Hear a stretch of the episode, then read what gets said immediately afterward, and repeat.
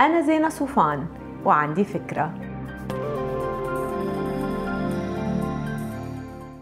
إذا كنت عم بتفتش على شغل انتبه لأنه في شوية post ممكن أنت تحطها بكل براءة على ال social media بس بتترك أثر سلبي جدا عند يلي عم بفكروا أنهم يوظفوك. اللي عم بيوظفك ما بيجمعك في تاريخ يخليه يشوف beyond هاي ال post اللي أنت قاعد عم بتحطها. أي رب عمل بيكون عم بيفتش على شخص فاهم الشغل وكفوء بس بنفس الوقت متوازن نفسيا واجتماعيا.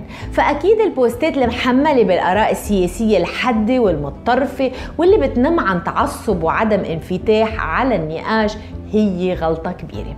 وكمان مرات بيحمل النقاش على ال social media على موضوع معين يمكن اجتماعي أو رياضي ومنلاقي إنه كمان منسوب الغضب بالتعليقات عم يرتفع. انتبه هون لأنه ما بدك الانطباع عنك يكون إنك ما بتعرف تسيطر على مشاعرك أو عندك anger issues وإذا كنت سهران وكتير مبسوط مع الأصحاب وفتوا بهستيريا ضحك وبسط انتبه لأنه منظركم ليلي مش مشارك بالحفلة. ممكن يكون مدعاة لتساؤلات وشكوك بتكلفك فرص التوظيف. ولما تجي لك نكتة من صديق أو صديقة انتيم على الواتساب فكر قبل ما تحطها على صفحتك. إذا كانت مسيئة يمكن للأشخاص يلي حظهم أقل بالحياة أو يلي عندهم احتياجات خاصة أو إذا فيها تعميم أو تنميط بطال جنس أو لون أو دين. وفي استطلاعات رأي بتقول إنه أرباب العمل ما بيحبذوا توظيف الناس يلي بيتفاخروا بمشترياتهم الثمينة وما بيرتاحوا ليلي بيحطوا بوستات فيها لبس جريء كتير. بس احذروا شو كمان.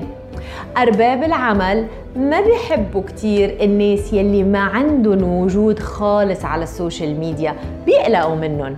احترتوا ما في ضرورة للحيرة الموضوع سهل ما حدا عم بيقول مثلوا على ال social media. كل المطلوب تفكروا قبل ما تاخدوا موقف أو تقولوا كلمة. إذا كنتوا مرتاحين إنكم تقولوها بمكبر صوت على مدخل بناية شغلكم بالحياة الحقيقية اللي ما بيصلح للعامة بالحياة الحقيقية أكيد ما بيصلح لصفحاتنا بالعالم الافتراضي. ما تنسوا تعملوا download للفكرة. تعطوها rating وتساعدوني بنشرها bye